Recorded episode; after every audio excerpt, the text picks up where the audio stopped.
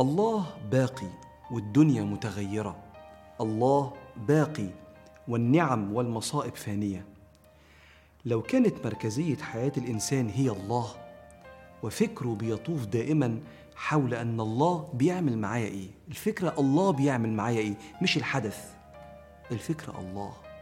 عند مجيء النعمة وتحقق الأمنية وحصوله على ما يريد سيفرح لكن فرحته هتكون بعطاء الله. وقرب الله عز وجل وعلم ربنا بحالي وتحقيق الأمنيتي ويزداد الإنسان يقينا أن احتياجاته وطلباته وخطره ليها مكانة عند ربنا سبحانه وتعالى. وده بيكون أكبر من فرحته باللي حصل عليه. فتلاقي ربنا يقول قل بفضل الله وبرحمته فبذلك فليفرحوا. هو خير مما يجمعون. ده العبد اللي ربنا سبحانه وتعالى أشار ليه في كلام سيدنا محمد عليه الصلاة والسلام إن هذا العبد كان مع الله في الرخاء شاف المنعم قبل أن يرى النعمة. هو هو ده العبد الذي لن يغيب عن الله في الشدة.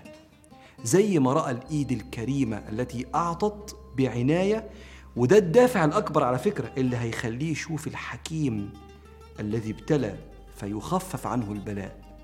لذلك كانت بتتكرر سيدنا رسول الله كلامه كان بيتكرر والأجيال اللي من وراء قالت نفس الكلام ده. كان يقول اعرف الله في الرخاء يعرفك في الشدة.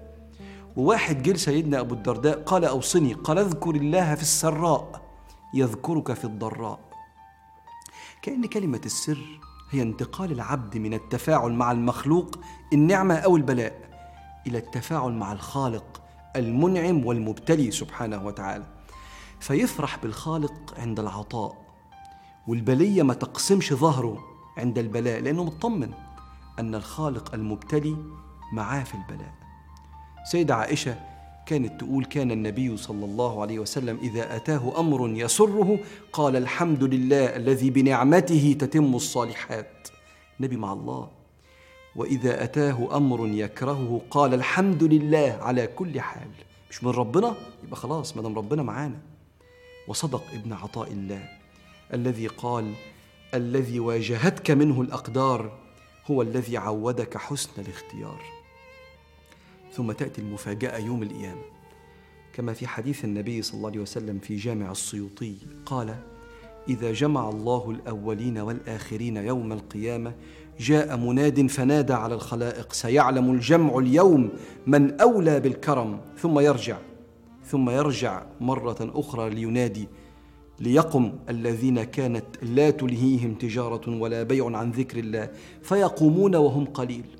ثم يرجع فينادي ليقم الذين كانوا يشكرون الله في السراء والضراء فيقومون وهم قليل. ثم يرجع في فينادي ليقم الذين كانت تتجافى جنوبهم عن المضاجع بيصلوا بالليل يعني فيقومون وهم قليل ثم يحاسب سائر الناس. كل دول على الجنة قبل ما الحساب يبدأ.